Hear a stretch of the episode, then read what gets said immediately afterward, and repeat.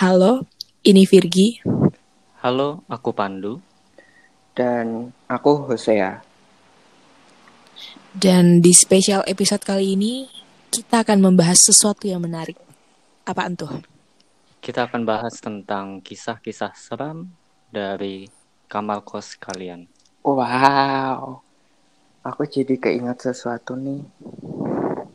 Apaan tuh, host? From Ajer to you. Represent kasihan. Kangen. Oh, kasihan.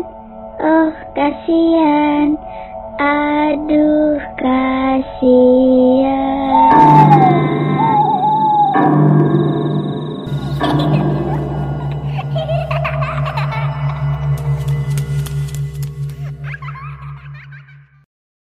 Kita kan udah sekarang di rumah kan. Nah, aku Mm-mm. jadi inget gimana kabar kamar kosku yang ada di Jogja. Tapi ya, Apa?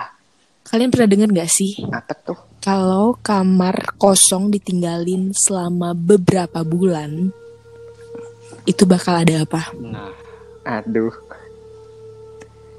itu udah kayak rumah kosong yang ditinggalin sama penghuninya udah sebenarnya nggak beda jauh sih. Iya ya. Iya kan, karena emang sebuah ruangan tuh katanya nggak boleh ditinggalin apa kayak di kosongin gitu. Hmm. Paling nggak harus tetap terawat lah ya. Iya bener, tapi nggak mungkin ibu kos kita ngerawat kamar kosan kita masing-masing kan. Iya. Siapa tahu? Oh ya, mungkin enggak. Em, siapa tahu siapa nih host? Hmm, apa? Oh ya udah. BTW nih, aku mau nanya. Pandu sama Hosea pernah nggak sih ngalamin hal-hal aneh selama di kosan, mungkin kosan sendiri ataupun kosan teman? Kalau aku mungkin karena aku selama apalagi pas kuliah ya. Ini kan pertama kali aku ngerantau istilahnya. Tapi aku nggak ngekos dan itu aku cuma nginep di rumah saudara aja. Cuma buatku tetap aja buat hitungan yang itu tempat asing buatku yang jauh dari rumahku sekarang ini. Sekarang aku lagi di Tangerang dan Mm-mm, rumah saudaraku kan di Jogja Hmm.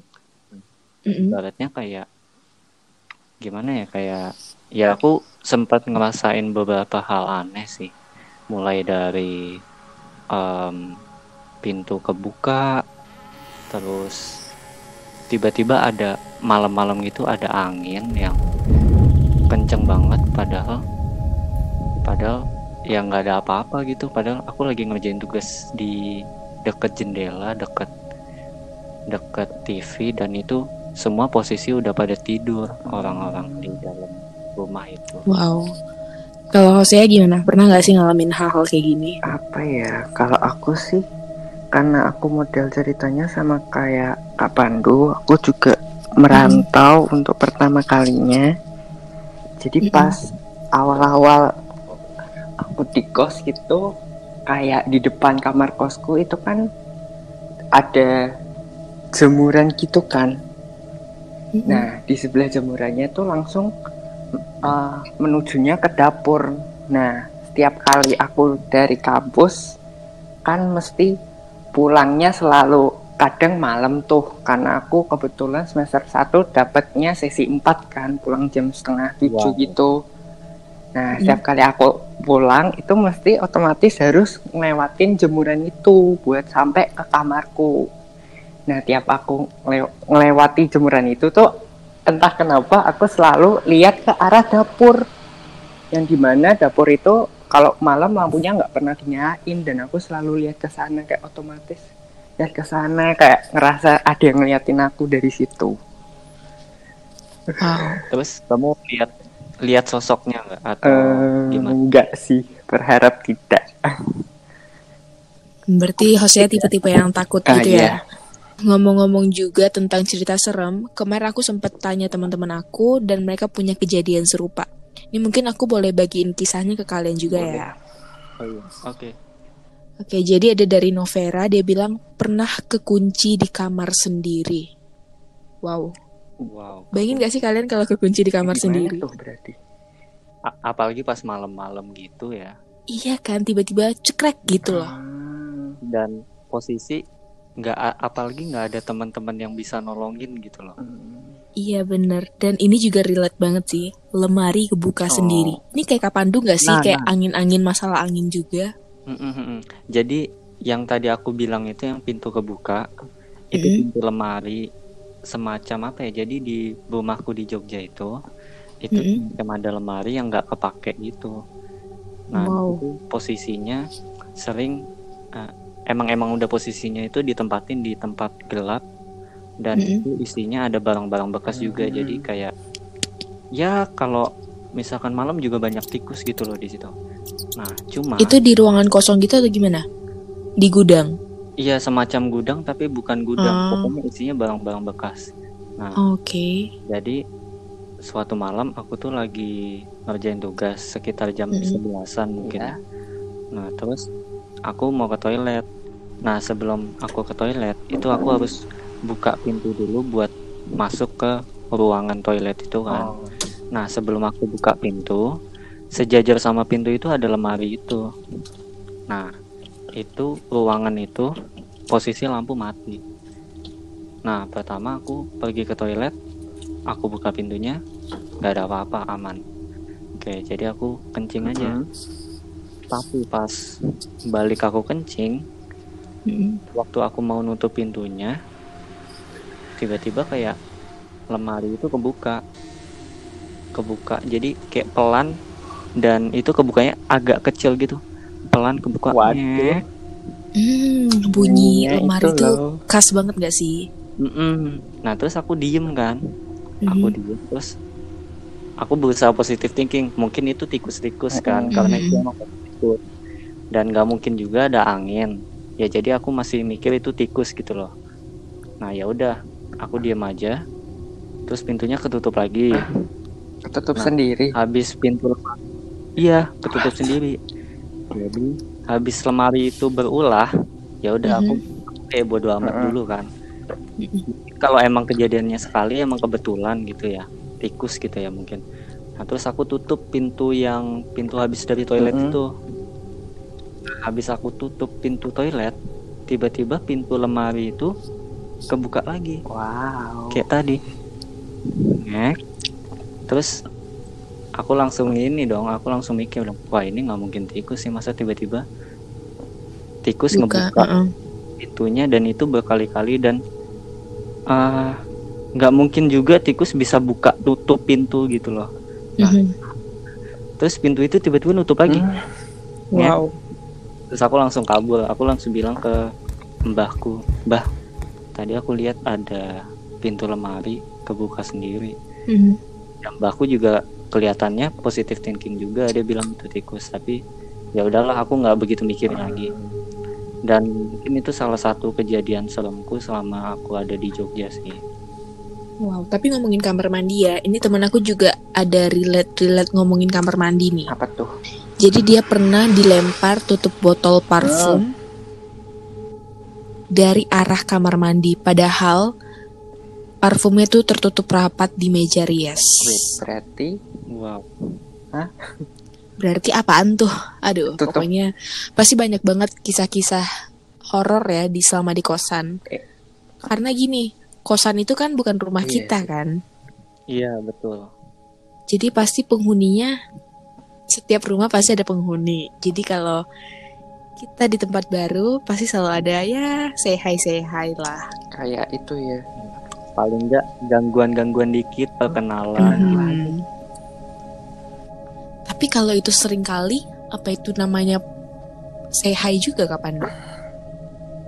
iya bisa Mungkin- jadi Mungkin Bisa jadi mereka A- a- mungkin ada juga yang apa dia dita- ditayangin eh ditayangin digentayangin terus selama Mm-mm. dia ngekos di situ jadi emang mungkin ada yang si pemiliknya itu emang nggak nyaman kalau dia ngekos di situ gitu atau Hmm, mungkin oke. bisa juga si mereka tuh nyaman sama kita gitu loh. Hmm, jadi merasa Iya. nyaman terus ya udah ikutin Iya, itu terus gitu ya. Oke, sekarang kita kayaknya mau bahas ini deh. Hal yang mungkin sering banget dirasain sama anak-anak kos.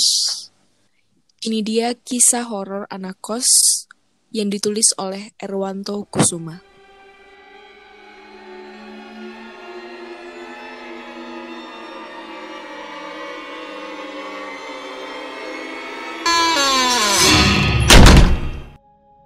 Cerita pertama berjudul Kos Baru yang Berisik. Hari itu aku pindah kos baru yang gak jauh dari tempat pemakaman umum. Malam pertama dan kedua tidak ada masalah. Tapi tidak dengan malam ketiga. Malam itu kosku sepi karena rata-rata semua penghuninya pulang kampung. Hanya ada aku dan penjaga kos yang ada di kamar ujung paling dalam. Jelang tengah malam, aku terbangun karena seperti mendengar suara orang berlari. Aku mencoba tidak mempedulikannya. Namun, beberapa saat setelah memejamkan mata lagi, suara semakin keras dan pintuku diketuk beberapa kali. Aku mulai terganggu dan melihat keluar, tapi tidak ada orang. Kegelapan sepanjang lorong. Hanya ada cahaya di ujung lorong, yakni kamar penjaga kos. Aku mulai kebingungan. Aku mencoba untuk tetap berpikir positif. Kembali tidur, aku terbangun lagi karena suara ketukan pintu itu semakin keras dan dalam waktu yang lama di lorong yang sepi itu. Aku menyalakan lampu dan tiba-tiba melihat dua sosok hitam di ujung lorong. Aku terdiam, badanku lemas. Keduanya melihatku dengan mata merah menyala. Mereka kemudian seperti berlari ke arahku, semakin dekat dan cepat. Mereka berjarak tidak jauh denganku. Aku takut, tapi rasanya nggak bisa teriak. Dan akhirnya, aku pingsan ketika mereka semakin dekat. Aku dibangunkan penjaga kos paginya dengan kondisiku ada di ujung lorong dekat kamarnya. Itu adalah ujung lain dari tempat aku berdiri sebelumnya.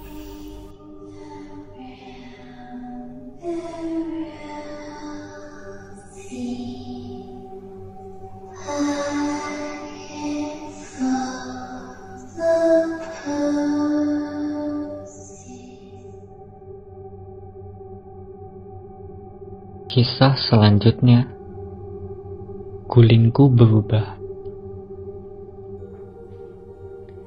Jadi, kosku emang terkena angkel. Tapi aku sendiri nggak pernah ngalamin hal yang terlalu aneh. Biasanya hanya suara-suara. Tapi malam itu, aku benar-benar dibuat takut olehnya. Malam itu, aku langsung tidur sampai kos setelah aku pulang dari kantor. Aku sudah tidak mempedulikan sekitar lagi. Aku langsung terlelap. Namun, tiba-tiba aku merasa ada yang memanggil-manggil namaku dalam jarak yang sangat dekat.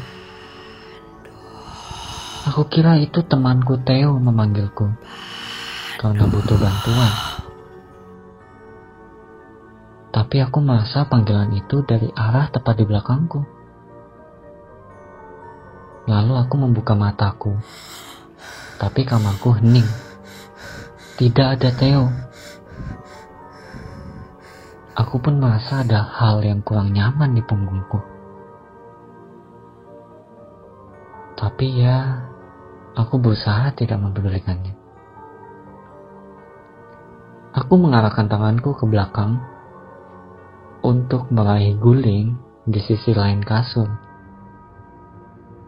Saat ku pegang, aku merasa memegang tubuh seseorang. Aku panik. Aku takut. Aku tidak berani menengok. Tanganku seperti terhenti di gundukan yang lebih tinggi. Saat ku raba, terasa seperti tangan yang terlipat. Aku mulai panik dan tahu itu apa. Tidak lama kemudian, aku mendengar namaku dipanggil lagi.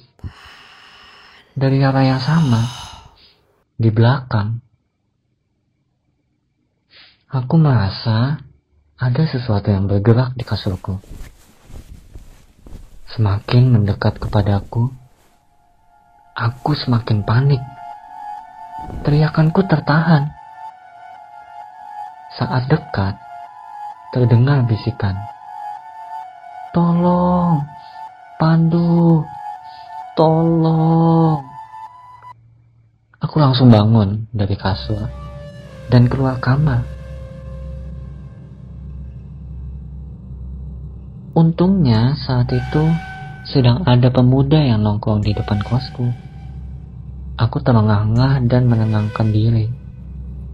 Malam itu, jadilah aku numpang tidur di kamar Theo.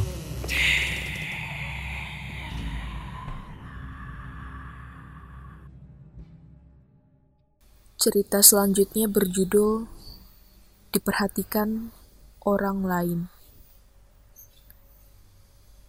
Saat itu, aku sedang bersantai di dalam kosku. Kebetulan hari itu aku tidak ada kerjaan. Jadi, aku menikmati hari libur dengan nonton film dan internetan. Aku bingung mau berbuat apa sampai menjelang sore. Namun tiba-tiba aku merasa bahwa ada yang memperhatikanku di kamar.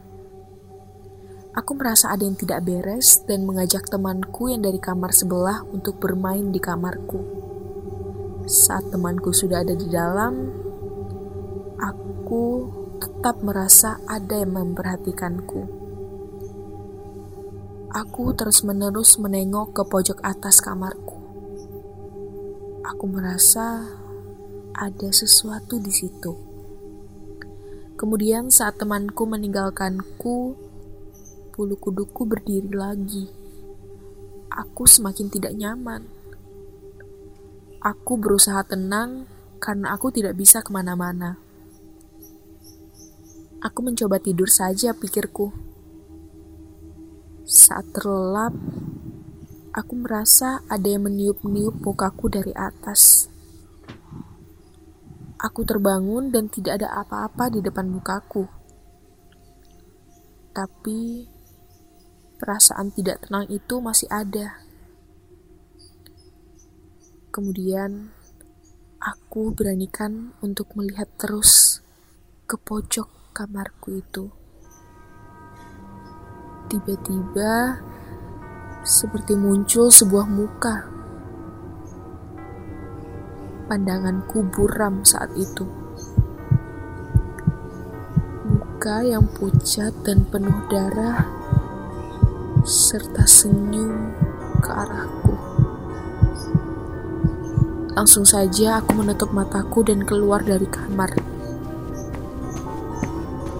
Hal serupa terus aku rasakan selama satu minggu. Sehingga aku putuskan untuk pindah kos.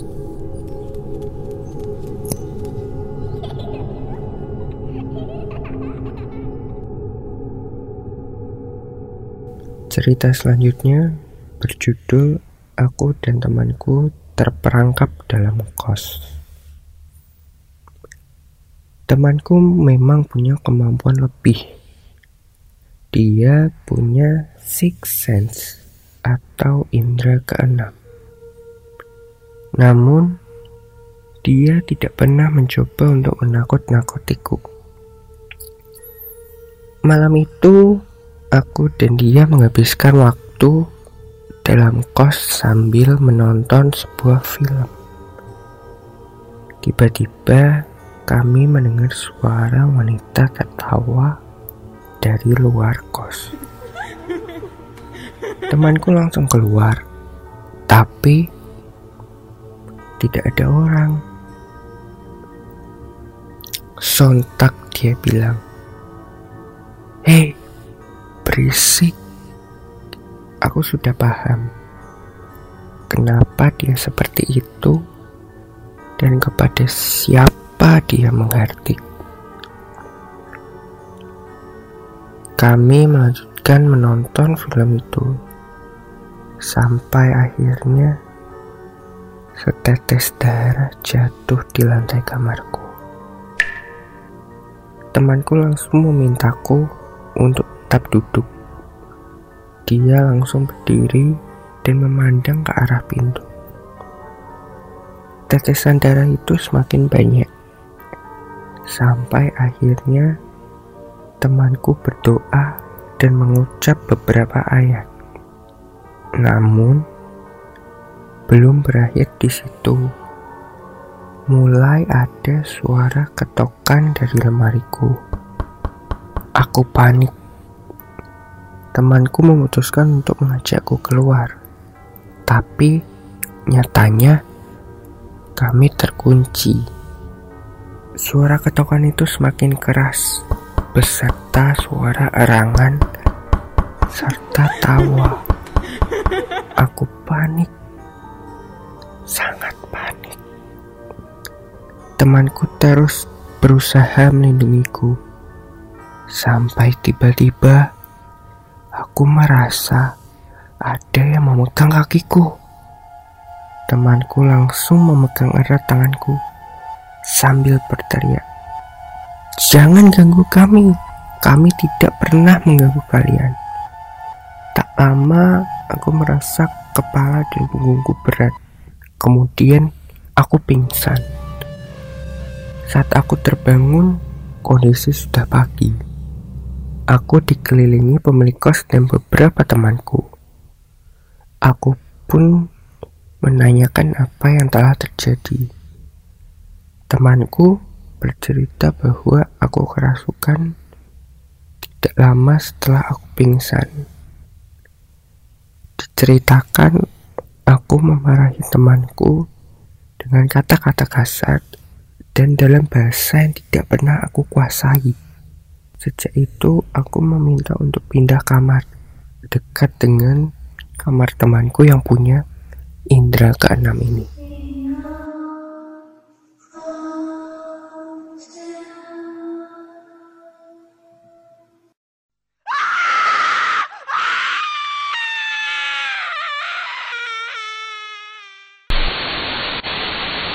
Nah, jadi good pips. Dari cerita-cerita tadi, menurut kamu mana yang paling serem? Kalau Virgi dan Hosea, gimana? Coba Hosea Kalau yang paling serem. sih, aku suka sama cerita yang gulingku berubah. Karena Kenapa tuh? nggak tahu, serem aja. Kayak itu kan salah satu benda yang sering kita iya Peluk. Dan aneh banget kalau tiba-tiba berubah. Nah, jangan sampai Tapi pernah gak sih? Waduh. jangan sampai gulingnya berubah ya. Malam Mas. ini ya. Aku nggak nggak mau pakai guling. Tapi pernah gak sih kalian ngerasa kayak pas baring terus ada gitu yang di sebelah kita? Hmm. Hmm, aku selama Jangan ini kok nggak pernah ya. Tapi aku habis nonton horor sering kayak gitu ya. Mungkin itu kena efek Contohnya. dari film. Iya mungkin ya. Berasa ada yang ya di samping kita. Hmm. Hmm, Hmm. Tapi kalau aku pribadi ya Kak Pandu, aku kayak relate tuh yang ini diperhatikan orang lain. Nah, kayak itu Insting kayak kita tuh kuat gak sih semua kayak untuk merasa pernah iya. merasa kayak gitu deh. Mm-mm, karena mungkin main insting juga Iya. ya. Kamu sering Virgi? Iya Kayak gitu. enggak sih karena aku berusaha untuk berpikiran positif. Tapi kalau kamu pribadi nih, kamu emang orangnya takut sama hal-hal mistis atau gimana? Takut sih karena apa ya? Nggak tahu takut aja. Tapi kalau udah sama orang paling suka sok berani. Weh, Weh, gimana tuh bingung kan? 2020. Weh, 2021 beda lagi. Cupu ntar. Nanti kamu Ah. jadi host dunia Wow. lain. Dunia dong. Berat, Bung. Waduh. Kalau Kak Pandu relate banget sama yang mana nih? Dari cerita ini. Aku relate banget sama yang pertama tadi sih yang kamu bacain Hmm. pertama. Kenapa tuh? Pernah ngalamin?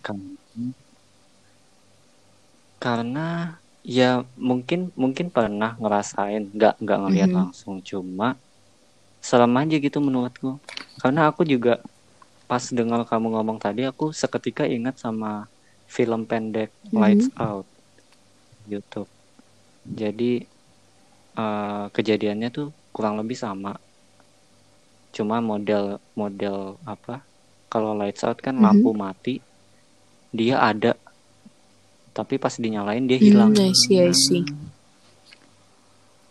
gitu Wow. kurang Banyak lebih. banget ya kejadian yang terjadi di kosan setiap orang pasti ada ceritanya masing-masing. Dan mungkin kalau Good Pips mau cerita juga boleh banget ya DM kita ya Kak Pandu ya.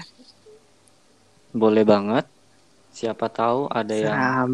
punya cerita lebih menarik lebih Seram yang mau share, di-share ke kita. Mungkin boleh DM Hosea juga. Karena Hosea paling suka dengar Oh. cerita kayak gitu ya Kak Pandu ya. Oh. Jose ini fanatik horor Mhm. ya Jadi dia selalu gatel pengen dengerin cerita Oh. horor. Bener gak sih Kak Pandu? jadi kalau bisa semua juga Hmm. uh, kumpulinnya ke dia aja ya Hmm. Karena supaya nanti bisa kita bacain di podcast ya. Tapi iya nanti waduh, Hosea sendiri yang bawain cerita Karena host kalian. utama kita adalah Kak Pandu. Yes. Tapi ngomong-ngomong soal kos ini aku jadi kira Oke. salah satu film itu loh. Apa para paranormal activity. Jadi kayak Hmm. kayak gimana kalau kita di kos pasang CCTV Iya, gitu. Ting ting. I see, pasti banyak banget hal-hal. Karena apa?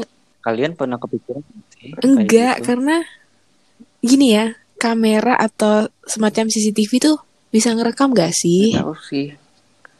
Bisa Iya. memperlihatkan Tapi lo katanya. aja nanti yang lain teman-teman ngajain tugas kita mantau CCTV.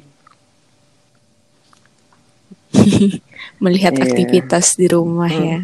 Di kosan salah dong. Oke, jadi mungkin ini akhir dari perjalanan cerita tentang kosan malam hari ini. Dan aku mau ngingetin buat kalian good pips. Jangan lupa untuk selalu perhatikan pojokan, depan pintu, dan di jendela. Karena siapa tahu mungkin kalian sedang diperhatikan oleh seseorang. aku Pandu Aku Hosea. Dan aku Virgi. Sampai jumpa. Oh, kasihan. Oh, kasihan. Aduh kasihan.